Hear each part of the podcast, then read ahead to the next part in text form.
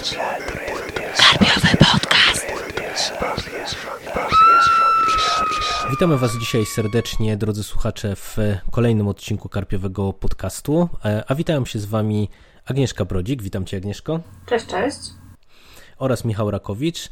I spotkaliśmy się w tym duecie, aby porozmawiać nieco o postrzeganiu klasyki która no, dosyć często wypływa e, przy okazji różnego rodzaju dyskusji, także na Carpe Noctem. My się wielokrotnie śmiejemy prywatnie, że e, nie ma to jak klasyka, która generuje zawsze e, miliony lajków i komentarzy.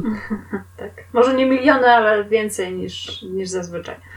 Tak, no relatywnie to prawie miliony w stosunku do wszystkiego innego. W dużym przybliżeniu, tak, miliony. Tak. E, I e, chcielibyśmy zacząć dosłownie króciutko od tego, e, jak my postrzegamy klasykę, tak żeby uciąć no, coś, co czasem potocznie jest określane też klasyką, a na czym się nie, nie będziemy chcieli skupiać. Czyli najkrócej rzecz ujmując, przez klasykę my pojmujemy całą literaturę, która gdzieś tam się ukazała przed rokiem umownie 60, czyli no starszą literaturę, najogólniej rzecz ujmując.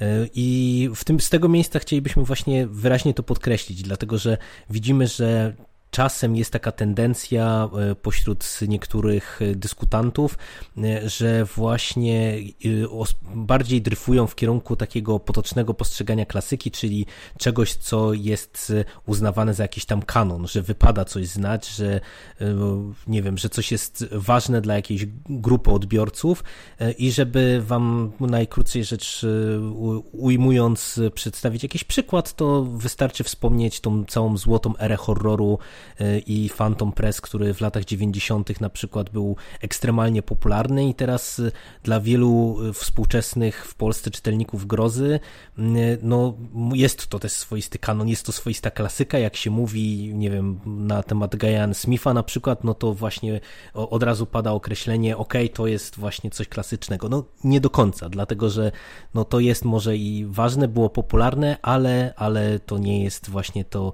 klasyczne rozumiane klasyki, o którym byśmy chcieli dzisiaj podyskutować. Tak, mam, mamy na myśli raczej Lovecrafta i Poego i Shelley, a nie e, Mastertona, e, Gaia Smitha i, i nie wiem kogo tam, Herberta. I inspiracją dla tego dzisiejszego podcastu e, była jedna z dyskusji, która się trochę też naszym udziałem stała, a która się zaczęła od tego, że widzimy taką też tendencję, że literatura postrzegana jako klasyczna w dużej mierze e, jest z definicji uznawana za coś wartościowego i super dobrego. I bardzo często e, w różnego rodzaju zestawieniach czy w dyskusjach na temat wartościowej literatury grozy e, no, mamy takie, taką opozycję stare, dobre, wartościowe, nowe popuczyny po Stephenie Kingu i Grahamie Mastertonie niewarte uwagi.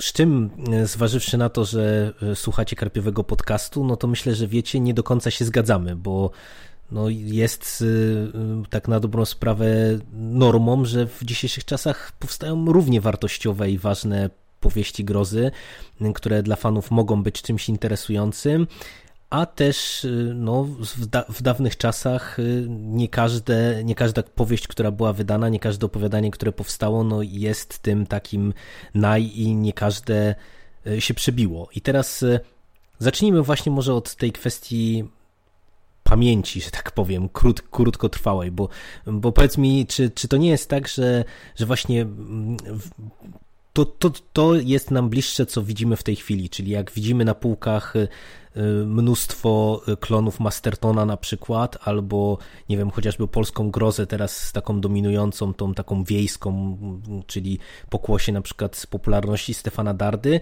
E, czy to nie jest tak, że właśnie uznajemy to za y, no trochę słabsze na przykład, czy mniej wartościowe, ty, tylko i wyłącznie właśnie przez pryzmat tego, że zapominamy, że przecież no w dawnych czasach powstawało bardzo dużo literatury słabej, palpowej, która gdzieś tam była wydawana w magazynach, o których pewnie e, świat już teraz nie pamięta i pamięć o nich zaginęła.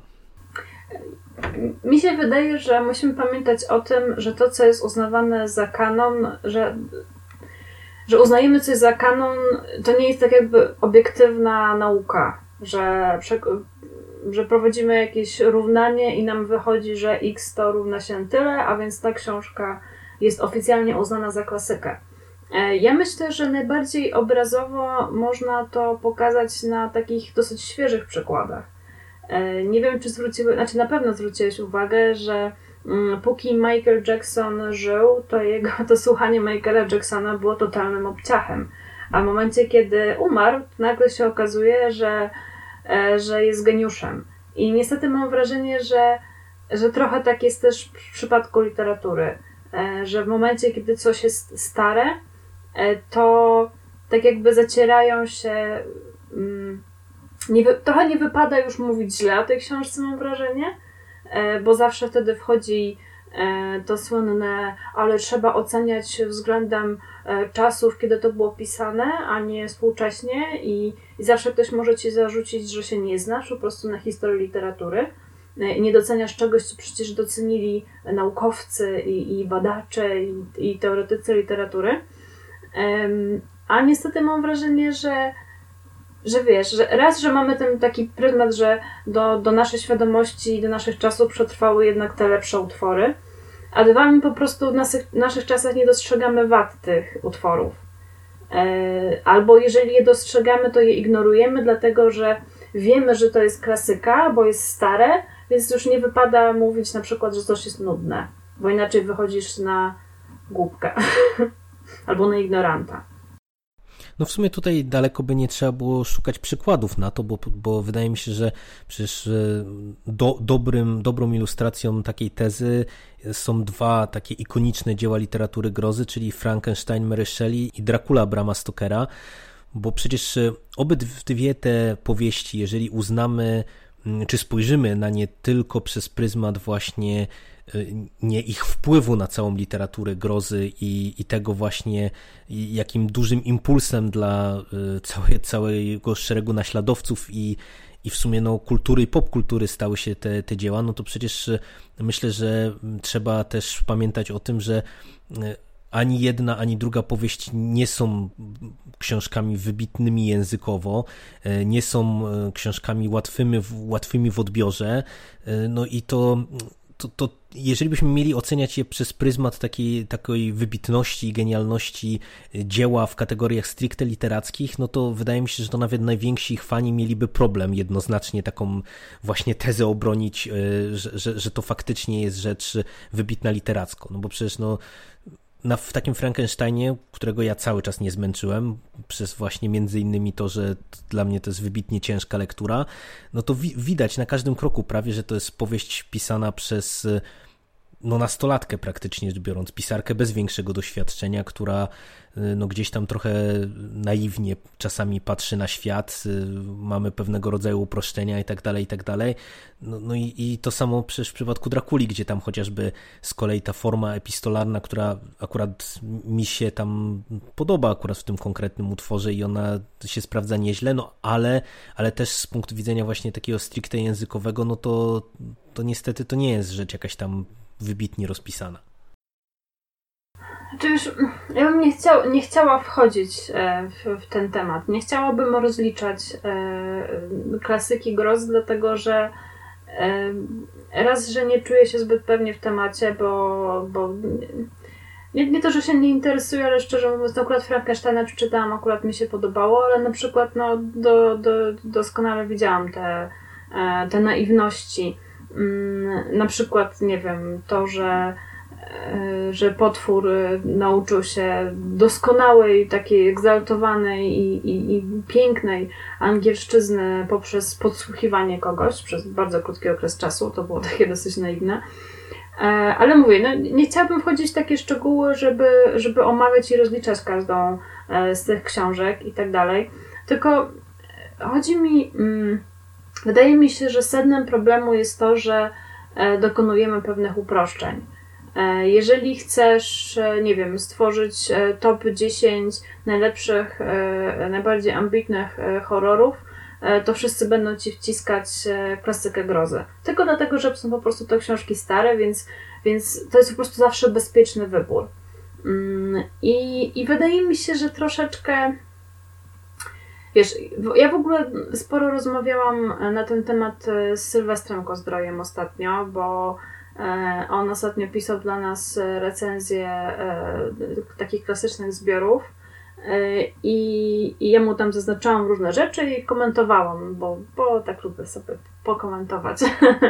E, I, i, I przez to się wiązała dyskusja i on właśnie mówił, że trzeba promować klasykę, że mało ludzi czyta klasykę i coś tam, coś tam. A ja właśnie tak, e, dla mnie to było takie, mm, znaczy ja rozumiem z czego to wynika, bo on po prostu obserwuje grupę w, na Facebooku i tam faktycznie ludzie wrzucają raczej takie rzeczy współczesne.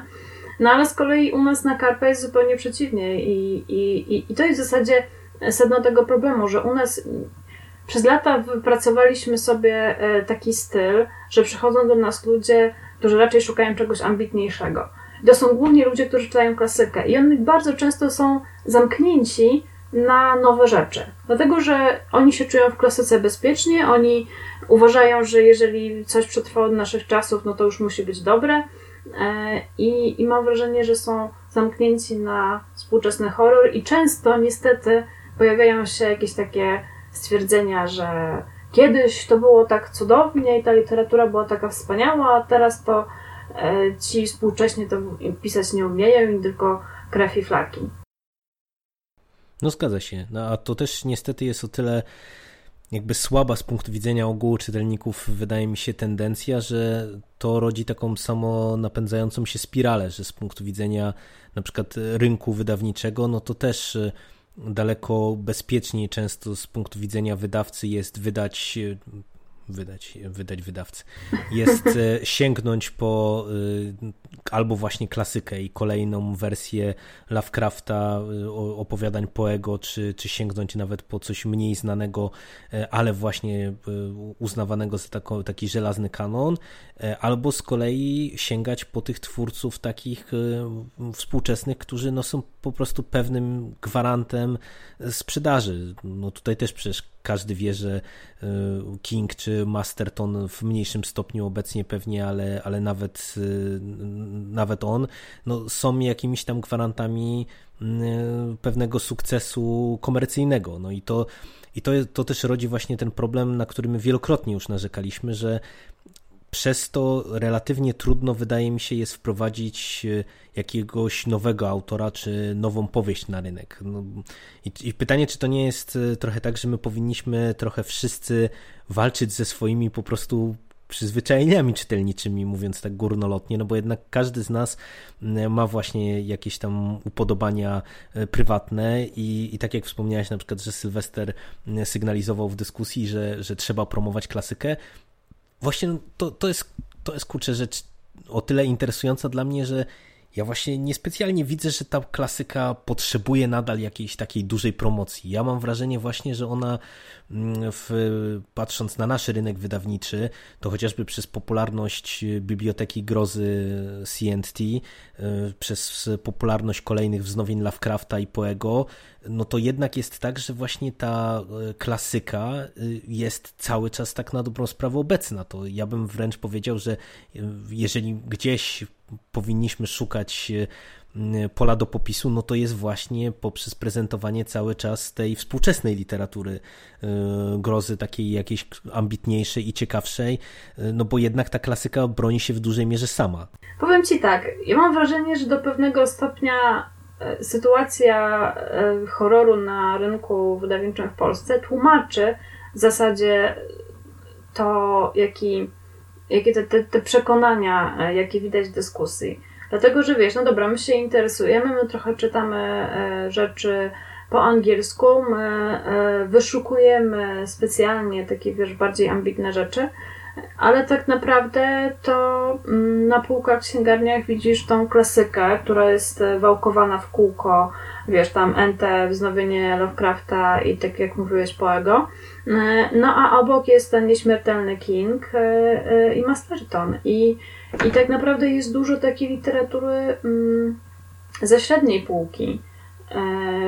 No, i, i, I to tak jakby ugruntowuje te opinie, bo jednak no, taki przeciętny e, czytelnik spotyka się z tą ambitną klasyką, która wiesz, tak jakby z definicji jest ambitna, e, i z tą literaturą klasy B. Więc, więc nie wiem, w zasadzie, no, w zasadzie to od lat próbujemy to jakoś naprawić, właśnie wyszukując i promując te rzeczy, które są między jednym a drugim. Ja zawsze się śmiałam, że że, że, że klasyka to jest coś na taki haczyk, wiesz, że łapiemy ludzi e, na haczyk klasyki, żeby przyszli do nas i próbujemy, a przynajmniej ja próbuję, bo ja tutaj jestem bastionem e, współczesnej literatury grozy e, w naszej redakcji i próbuję ich po prostu podrzucić im coś, coś współczesnego, że może się, może zmienią zdanie, może się zainteresują i tak dalej. Mm, także wydaje mi się, że do pewnego stopnia naprawdę sytuacja, jaka jest na rynku, tłumaczy e, tą dychotomię, a z drugiej strony no, sytuacja na rynku jest odzwierciedleniem opinii ogółu. No bo jeżeli ogół ma taką opinię, że, że teraz to się mm, pisze same, same rzeczy w stylu Phantom Pressu, tak, bo, bo no jednak to pewnie przejdziemy jeszcze zaraz do tego, do tej złotej ery horroru, e, no to jeżeli większość ma taką opinię, że albo jest literatura grozy klasy B, albo ambitna klasyka, no to rynek będzie to odzwierciedlał niestety. Powiedziałaś jedną ciekawą rzecz, którą wydaje mi się, że warto by było jeszcze tutaj podkreślić czy, czy rozwinąć. To, że klasyka jest postrzegana jako z definicji ambitna. I pytanie, czy tutaj trochę mm, patrząc z punktu widzenia y, te, te, tego, tej takiej dychotomii nowe, stare, no pytanie, czy to nie jest rzecz, nad którą y, gdzieś, czy, czy którą by trzeba było próbować demitologizować, w tym sensie, że z jednej strony właśnie jest to postrzeganie współczesnej literatury jako tej takiej głównie beklasowej, ale z drugiej strony no przecież dla klasyki jest równie krzywdzące postrzeganie jej tylko przez pryzmat ambitności, no bo umówmy się, że przecież y, bardzo wiele, jeżeli nie większość nawet tych takich najpopularniejszych i najbardziej powszechnie uznawanych za jakieś wybitne dzieła e, literatury grozy, no to przecież to, to nie były e, dzieła, czy powieści, czy opowiadania, które e, powstawały jako, nie wiem, coś, co miało być super wybitne. No tutaj autorzy sięgali po prostu po ciekawe opowieści, ciekawe historie, które przez czas nieraz i, i przez to, jak oddziaływały na innych pisarzy, no to gdzieś tam to się robiła taka kula śniegowa, no ale przecież to nie jest tak, że właśnie wszystko co stare jest ambitne. No przecież ja, ja pamiętam, że mnie, mnie zszokowało nawet z deczka, jak e, ja recenzowałem kiedyś właśnie na Carpe Noctem e, zbiór opowiadań Chambersa, ten, który wydało CNT e, i kiedy ja sięgnąłem sobie trochę do biografii Chambersa, żeby zobaczyć w zasadzie kim on jest, no bo dla mnie to też nie będzie wstydu chyba, jak powiem, że to nie była postać specjalnie znana przed właśnie True Detectivem i całym szałem na, na Chambersa. I dla mnie było właśnie mega zaskakujące, jak nagle się okazało, że oprócz tego, że jest on uznawany za właśnie e, jakiegoś autora ważnego w kontekście literatury world fiction, to tak na dobrą sprawę on na przykład z punktu widzenia takiego szerszego rynku amerykańskiego czy anglojęzycznego, no to on bardziej był znany jako twórca, nie wiem, romansów i powieści po prostu taśmowych i opowiadań taśmowo produkowanych, takich właśnie popularnych, palpowych, o których nikt już dzisiaj zupełnie nie pamięta, a przetrwało tak na dobrą sprawę i zniosło dobrze próbę czasu kilkanaście opowiadań z jego przebogatej po prostu kariery. Ja się zastanawiam, co mielibyśmy z tym zrobić. No bo tak, nie będziesz mówił ludziom, że klasyka grozy nie jest ambitna, no bo, no bo jednak... Mm, no bo nie wiem, jaki w ogóle miałby być cel tego. Wiesz, no myślałam przy, przez chwilę, że, że chodzi ci o to, że można ją czytać. W sensie, że, że jest, e, że to nie jest Dostępna, tak, że... że przystępna, tak, tak bym powiedział. Z, z, czym się nie do końca zgodzę, no bo zależy o czym mówimy, tak? No na pewno nie będzie tak przystępna jak, nie wiem, opowieści Stephena Kinga, tak? Myślę, że, że warto, możemy mówić o tym, że warto podjąć ten wysiłek, który też nie, nie jest nie wiadomo jak strasznym wysiłkiem. No, wydaje mi się, że jeżeli człowiek jest w stanie przebrnąć przez większość lektur w e, liceum, no to, to, i, to i Lovecrafta może czytać, czy tam Poego, nie? To nie jest nic strasznego. Natomiast nie wydaje mi się, żeby udało nam się naprawiać tę sytuację, która jest teraz, e, powtarzając, że, że klasyka to jednak nie jest, e, nie jest ambitna, nie? Chodzi mi o to, że raczej, raczej mówmy, powtarzajmy i przekonujmy, że, że współczesny horror też ma wiele do zaproponowania, tak? I może, może, nie wiem, po tylu latach to nie wiem, czy nam to się jeszcze uda. Nie no, wiesz, mi, mi chodziło bardziej nawet o to, że na, na, konkretnych przykładach, wiesz, no Lovecraft y, chociażby to, to są opowiadania tak wybitne jak, nie wiem, Kolor z przestworzy, ale to jest na przykład chociażby Herbert West, reanimator, który no jest przecież no bardzo palpowym i takim beklasowym tekstem, można powiedzieć, z obecnej perspektywy. Y, mamy takie opowiadania przecież Upoego, które też, nawet jeżeli weszły do kanonu literatury już nawet nie tylko grozy, no to, to przecież one, one nie powinny odstraszyć takiego przeciętnego czytelnika, nie? I, i tak na sprawę od, mo, można przejść dalej, że to, to samo należałoby właśnie robić i pewnie tu jest teraz większa praca y, ze współczesną literaturą, no bo jednak y, jak się spojrzy na przykład na to, co, co w tej chwili jest cały czas popularne, no to jednak widać, że przynajmniej ja mam cały czas takie poczucie w sobie, że ta złota era horroru, bo tak wspomniałeś, że przejdziemy do tego, która takie Eldorado horrorowe, które mieliśmy w latach 90., to ono trochę zaszkodziło całemu rynkowi postrzeganiu literatury grozy, bo ja czasami odnoszę wrażenie po prostu, że bardzo wielu czytelników gdzieś tam no się zatrzymało po prostu na tym, y, w tym sensie nawet nie to, że, że się nie rozwija, że nie czyta jakichś nowszych rzeczy, tylko y, po prostu jakby przegrywa trochę z nostalgią, w tym sensie, że wielu z nas zaczytywało się tymi małymi czarnymi książeczkami y, w gimnazjach, liceach czy na początku studiów na przykład i w tej chwili y, pamiętamy bardziej wrażenia, jakie towarzyszyły lekturze, niż, niż to, czy te książki faktycznie były dobre, a większość z nich po prostu no, dobra nie była. I teraz nagle mamy po prostu taką krainę mlekiem i miodem płynącą w głowach, y, do której często powracamy jako do tej idylicznej, pięknej i wspaniałej i jak to kiedyś nie było super. Y, I teraz właśnie często, nie wiem, będziemy narzekać, że a, teraz to już takich rzeczy się nie wydaje, no tylko, że też trzeba właśnie pamiętać o tym, że kurczę, no to nie były po prostu dobre powieści i że jednak jeżeli chcemy zmienić postrzeganie fanów grozy, jeżeli chcemy y, nakłonić ludzi, żeby czytali ciekawsze rzeczy, no to nie możemy ciągle jak mantrę powtarzać, że to było tak rewelacyjne. Tak, znaczy ja widzisz, że tutaj mam w ogóle szereg problemów z tym. Po pierwsze y, powiedziałeś, że o szkoda, że się takie rzeczy nie wydaje. No ja jestem zdania, że bardzo dobrze, że się nie wydaje. E, bo... Nie, nie, ja, ja, mówię, że właśnie to wielu, wielu czytelników... Ja wiem, ja wiem, że no, tak, ja no. wiem, co miałeś na myśli, tylko właśnie, mhm. no, mój komentarz jest taki, że dobrze, że się no. tego nie wydaje. Ja wiem, jasne, że, jasne. ja wiem, że teraz e, powstaje nowe wydawnictwo, które chce kontynuować tą spuściznę Phantom Pressu. No wiesz, no, co kto lubi, tak? E, ja, ja absolutnie to nie jestem targetem tego wydawnictwa. E, myślę, że to chyba każdy, kto czyta moje recenzje, to o tym wie. E, ja widzę tutaj problem taki, że z jednej strony ja niestety, no cóż, może jestem pesymistką, może jestem e, cynikiem, ale wydaje mi się, że ogół nie ma zbytnio dużych wymagań, ogólnie jeżeli chodzi o literaturę. I no to wiem, że wiele osób będzie się teraz zrzymać i pewnie mnie czeka połajanka w komentarzach, no ale z horrorem jest w dużej mierze tak jak z romansem.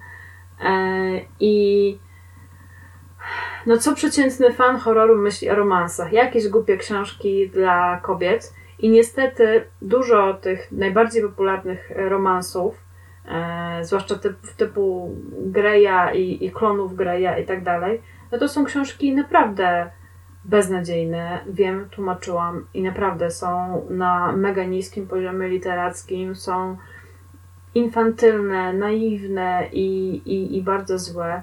Ja nie mówię, że to jest większość taka, ale podejrzewam, że w horrorze jest podobnie, że ludzie mają jednak no, nieskomplikowany gust i jednak najlepiej będą się chyba sprzedawać te nieskomplikowane książki. Wiesz, fajnie, że jest King, bo on jednak no, literacko stoi dosyć wysoko, nie? E, I, I fajnie, że to się sprzedaje. Podejrzewam, że to jest trochę tak, że że jakby nie było tych bardzo złych książek na rynku, to ludzie sięgaliby po takiego Kinga i po takie, nie wiem, jakieś lepsze romanse. No nie, nie rzucę przykładów, bo, bo się nie znam aż tak bardzo. E, ale na pewno jakieś są, bo jestem przekonana, że na pewno da się na pewno napisać dobry romans, który będzie literacko, wiesz, fajny i będzie miał postaci ciekawe i tak dalej, i tak dalej. Pewnie w swoim życiu kilka takich przeczytałam, tylko to się oczywiście nie nazywało romans, tylko powieść obyczajowa i jakoś tam ładnie zareklamowane, żeby przypadkiem e, nie było, że to jest książka, wiesz, dla kobiet. Mhm, tak, tak. Wiesz o co chodzi. Ja myślę, że to jest po prostu tak dużo analogii i, i w sumie trochę się zgubiłam, przepraszam, ale chodziło, chodziło mi o to, że, że jakby dawać ludziom same Kingi i same dobre romanse, to oni by je czytali. Ale niestety w tej chwili na rynku jest tak, że się wydaje masę gówna i ludzie czytają to gówno, bo wiesz, wracają zmęczeni z pracy i chcą coś takiego, wiesz, no, nawet infantylnego, czy tam niekoniecznie wymagającego, może nawet głupiego, a może chcą się trochę pośmiać przy tym horrorze. Wiesz, dużo osób na przykład czyta horrory dla beki, co jest dla nas trochę przykre, bo ja jednak lubię czytać horrory, które są poważnie napisane, na, na poważnie i, i mają straszyć i w ogóle i tak dalej. No ale jednak wiesz, dużo osób czyta horrory właśnie w stylu Phantom Pressu trochę dla beki, no. A jeżeli chodzi o ten cały sentymentalizm, to ja już tego totalnie nie rozumiem, dlatego że mnie to ominęło, nie? Bo ja zupełnie nie sięgałam po takie książki. Ja się śmieję, że ja byłam z góry skazana na, na, na, na klasykę i na ambitność, bo pierwszy horror, który przeczytałam, to był Lovecraft. Mhm. więc wiesz, więc mnie to zupełnie ominęło. E, no i mówię, no mam szereg problemów z tym, tak? No bo jeżeli chcemy wydawać dużo horrorów, żeby było dużo horrorów, żeby ludzie to kupowali, to niestety nie wiem, czy uda nam się przeskoczyć e, wydawanie dużej ilości horroru klasy B. Tak jak jest to w tej chwili w romansach i tak jak jest ogólnie chyba. Mam wrażenie, że w każdej literaturze gatunkowej. Znaczy, ja bym nie, nie powiedział może mm, tak e, jednoznacznie, że na przykład, wiesz, obecność literatury E, klasy B jest sama w sobie czymś złym, bo, bo taka literatura była zawsze i, i tak jak mówisz, no to jest trochę taki pewnie e, odmurzdacz, e, mówiąc kolokwialnie i, i wielu ludzi czyta to tylko i wyłącznie jako formę relaksu, traktując to po prostu jako, nie wiem, substytut dla telewizji na przykład. Mm, więc dla mnie to, to, to by było jeszcze w porządku, tylko że ja mam problem z tym, że mm, bardzo często się zatrzymujemy jakby na tym etapie, nie? że sięgamy po coś słabego i na przykład e, to zabrzmi trochę idyllicznie, ja się z tego śmia śmiałem powielokroć już, że e, jak powszechnie wszyscy mnie uważałem za e, pesymistę i czarnowidza, to to jest taka, taki promyczek idealizmu, który się przeze mnie przybija, że ja zawsze liczyłem na to, że okej, okay, można czytać na przykład jakieś tam właśnie słabe powieścidła, ale gdzieś tam to powinna być tylko odskocznia czy przerywnik pomiędzy e, właśnie taką tendencją, żeby właśnie czy pogrzebać w klasyce, czy sięgnąć po coś ambitniejszego, współczesnego, e, żeby się jakoś tam czytelniczo rozwijać. E, no wiesz, mnie na przykład czy ja do nostalgii zacząłem mieć tak negatywny stosunek i, i, do tego e, właśnie wszystkiego, że teraz mamy taki po prostu jakiś totalny, niezrozumiały boom na właśnie kapitalizowanie nostalgii na każdym możliwym froncie i, i filmowo, i, i przecież produktowo, no nie, nie, wystarczy, nie wiem, wejść do osiedlowego sklepu i, i nagle człowiek się czuje jak w latach 90., bo nagle wróciły marki, które przez 20 lat na rynku nie istniały i dla mnie to jest o tyle niezrozumiałe, że że niech każdy z Was, y, drodzy słuchacze, przeprowadzi sobie taki prosty eksperyment. Nie wiem, wybierze jakiś film e, albo jakąś powieść, którą się zachwycał za dzieciaka i niech ją teraz na spokojnie przeczyta albo obejrzy. I no nie chcę być złym prorokiem, ale jeżeli nie wybierzecie klasyka pokroju, nie wiem, Indiana Jonesa, e, Gwiezdnych Wojen albo e, jakiegoś tego rodzaju właśnie kalibru filmów czy książek, no to może się okazać na przykład, że Wasze ukochane dzieło nie nadaje się kompletnie do niczego bo ja niestety takie eksperymenty parę razy popełniłem i w tej chwili to się staram już tego unikać, bo stwierdzam, że, że po prostu no, czasem jednak lepiej żyć w błogiej nieświadomości i niech się człowiekowi wydaje, że właśnie to było takie super, niż e, sięgasz i się łapiesz za głowę, co ja w zasadzie po prostu najlepszego miałem we łbie, że, że to taki, taki shit mógł mi się podobać. I, I po prostu to jest właśnie dla mnie niezrozumiałe, że y, o, o ile ja jestem w stanie mm, gdzieś tam pojąć, że w dyskusji ktoś może mówić, że aj, okej, okay, czytałem takie i takie na przykład powieści zagówniarza i to było super to, to kupuję, okej, okay, nie? Ale, ale, ale na przykład to, że sprowadzamy właśnie często dyskusje, y, jak to bywa y, podnoszone przecież w wielu rozmowach do tego, że, że szkoda na przykład, że czegoś takiego teraz nie ma, no to już tego za bardzo nie rozumiem, bo ja po prostu nie wierzę w to, że, że y, i to tak y, przepraszam też, bo wspomniałaś o tym, że zaraz będzie pewnie wydawnictwo, które będzie sięgało właśnie po dorobek Phantom Pressu, ale y, ja osobiście nie wierzę, że to, to może się udać, nie? W tym sensie, że mi się wydaje, że to długoterminowo to jest po prostu nisza w niszy i, i to właśnie dla, dla ciekawości każdy wróci zobaczyć, czy ten Guyan Smith jest faktycznie tak zły, jak o nim mówią, ale, ale no po prostu na dłuższą metę to wydaje mi się, że to yy, sprzedawanie właśnie tego rodzaju niskiej literatury jest mocno dyskusyjne dla mnie, nie? No oczywiście y, ja bym wydawnictwa nie skreślał, bo być może to będzie tak, że zaczniemy od właśnie kapitalizowania nostalgii, a przejdziemy szybko do, do czegoś ciekawszego, no ale zobaczymy, no tak czy siak jakby właśnie tego aspektu y, w tej beklasowej literaturze to, to po prostu ja nigdy nie jestem w stanie y, pojąć. I, i, i to jest właśnie to, co ja wspomniałem, że mamy zadanie z jednej strony trochę demitologizować klasykę, a z drugiej strony właśnie cały czas powinniśmy też wskazywać na to, że przecież kurczę, no jest y, tyle porządnej literatury grozy współcześnie, że naprawdę no nie ma co się bać, że sięgnięcie e, po pisarza e, pokroju właśnie nawet chociażby Kinga, czy, czy Lee, który ostatnio też wypływa wszędzie w różnych dyskusjach, chociażby właśnie przez to, że jego opowiadania się pojawiły, no, no to to przecież to są pisarze, którzy gdzieś tam jednak warsztatowo, literacko, y, no to, to nie jest y, jakiś Bóg wie jak wyszukany poziom, a jednak to jest, wydaje mi się, pisarstwo no, o kilka klas wy, wyższe niż po prostu taka typowa właśnie pulpa, y, która gdzieś tam w tych latach 90. dominowała, nie? Znaczy, wiesz, ja myślę, że, bo ty wspomniałeś o tym, że o, szkoda, że już teraz tak nie jest, nie? Znaczy, że, że szkoda, że już teraz nie ma tego Phantom Pressu, że tak ludzie piszą. E, mi się wydaje, mhm. że to niestety jest taka nostalgia jak za PRL-em, czyli e, szkoda, że już nie jestem młody i piękny, tak? Na tej zasadzie. No tak, na pewno. A inna pewno, sprawa jest taka, że tutaj w ogóle e, temat, który chciałabym kiedyś jeszcze po, poruszyć na, e, w podcaście, albo może w jakimś tekście, E, że ja mam wrażenie, że horror pod pewnymi względami jest troszeczkę jednorazowy. E, to znaczy, to już tłumaczę, bo znowu będzie, będzie krzyk w komentarzach. Chodzi mi o to, że mm, ktoś ostatnio też w internecie pytał e, o książki, które naprawdę e, nas wystraszyły. Że, I to była taka opowieść, że o, bo, bo, bo za dzieciaka, tam nastolatka czytałam to i tamto i bardzo mnie wystraszyły, a ostatnio już nie mogę nic takiego znaleźć. Ja mam wrażenie, że to działa trochę, mm, trochę tak, że te pierwsze horrory, które czytamy, e, to one rzeczywiście się ich boimy, tak? Mamy pierwszy raz kontakt z taką literaturą i e, reagujemy bardzo emocjonalnie. I dlatego może e, te horrory Phantom Pressu x lat temu były dla ludzi takie straszne.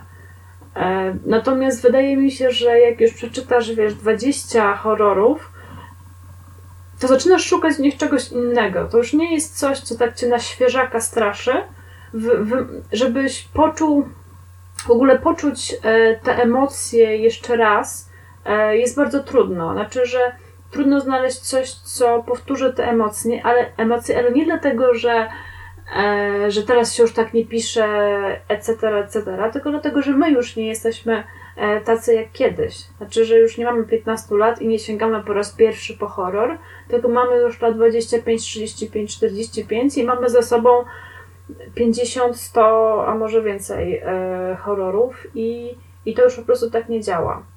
Niestety mam wrażenie, że kryminały też mogą tak działać trochę, że pierwsze zaskoczenia w finale kryminałów są na pewno jakimś innym przeżyciem niż, e, niż jak czytasz po raz enty jakiś kryminał, może nawet dobrze napisany, literacko na wysokim poziomie i tak dalej, i tak dalej, ale jednak no, te schematy się jakoś tam zużywają, tak? E, I e, do czego zmierzam? Wydaje mi się, że w pewnym momencie szukamy po prostu w literaturze grozy czegoś innego i to coś innego to są, już nie są takie proste zaskoczenia, takie proste triki jak w horrorze klasy B. mimo że to brzmi, źle brzmi, to ja się z tobą zgadzam, że, że właśnie jest taka swoista jednorazowość horroru, ale e, takiego prostego horroru, ale to wynika w dużej mierze z jakby z pewnego skonwencjonalizowania. No, nie bez przyczyny wydaje mi się tutaj podałaś jako, jako taki dodatkowy argument kryminał, e, no bo właśnie kryminał, podobnie jak taki prosty horror, no, no to jest gatunek, który jest bardzo mocno oparty właśnie na, na w gruncie rzeczy jakichś tam schematach i archetypach, więc no po prostu trudno, e, żeby tak samo podnosiła nam ciśnienie 150 e, powieść czy opowiadanie z gatunku Ghost Story na przykład, albo nawet wywracające flaki gore, no bo jednak gdzieś tam po, po którymś razie, no wiadomo, że te emocje będą musiały być lżejsze. No i, i, i, może żyjmy w tym idealnym świecie, w którym właśnie wtedy ludzie zaczną sięgać po coś ambitniejszego i ciekawszego po prostu. Ja myślę, że to będzie dobre zakończenie podcastu i chciałam tylko jeszcze na sam koniec powiedzieć, że, że w, tej, w tym momencie na rynku jest taka sytuacja, że po prostu jest bardzo mało nazwisk. Jest kilka głównych nazwisk, które zawsze się sprzedają i nie ma za bardzo szans wprowadzić kogoś nowego. E, to oczywiście tam pojawiają się co jakiś czas e, jakieś pojedyncze nazwiska, ale często to są niestety niewypały. Znaczy nie niewypały literacko, tylko marketingowo, czy tam po prostu się nie sprzedają, no bo ciężko jest wprowadzić na rynek kogoś nowego.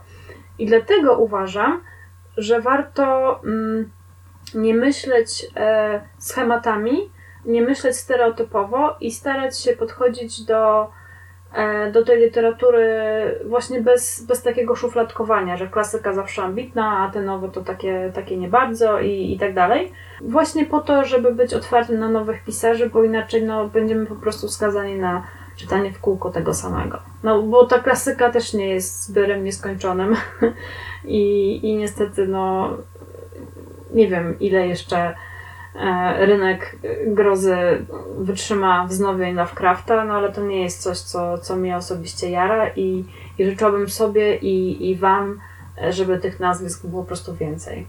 I tym akcentem, jak to już w niejednym karpiowym podcaście, możemy zakończyć, przywołując jeszcze raz, że życzymy sobie więcej y, dobrej literatury grozy, także tej współczesnej, czy przede wszystkim tej współczesnej. Tak, jak zwykle kończymy banałem.